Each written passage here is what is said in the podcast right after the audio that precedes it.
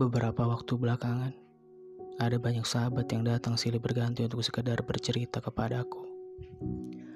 Salah seseorang di antara mereka bercerita perihal keinginannya untuk mengundurkan diri dari tempat bekerja. Salah seorang lagi bercerita mengenai pertengkarannya dengan pasangannya. Salah seorang lainnya bercerita tentang keresahan yang akhir-akhir ini merundung hatinya. Dan setiap mereka selesai bercerita, aku pasti akan bertanya, kamu mau didengarkan atau diberikan saran?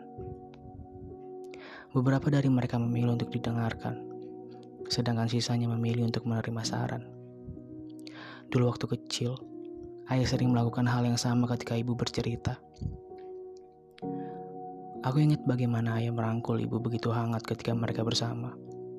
Dari mereka, aku belajar bahwa ada banyak cara untuk memahami orang yang kita cinta.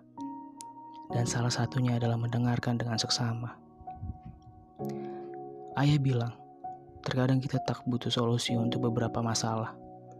Pada mulanya, yang dibutuhkan manusia hanyalah telinga yang mau mendengarkan. Dan sayangnya, tak semua bisa melakukannya. Setelah dewasa, Aku mengerti mengapa kita membutuhkan waktu yang lama untuk memahami cinta. Ternyata cinta ingin didengarkan, ia tak butuh nasihat apa pun dari kita. Ia hanya ingin dimengerti.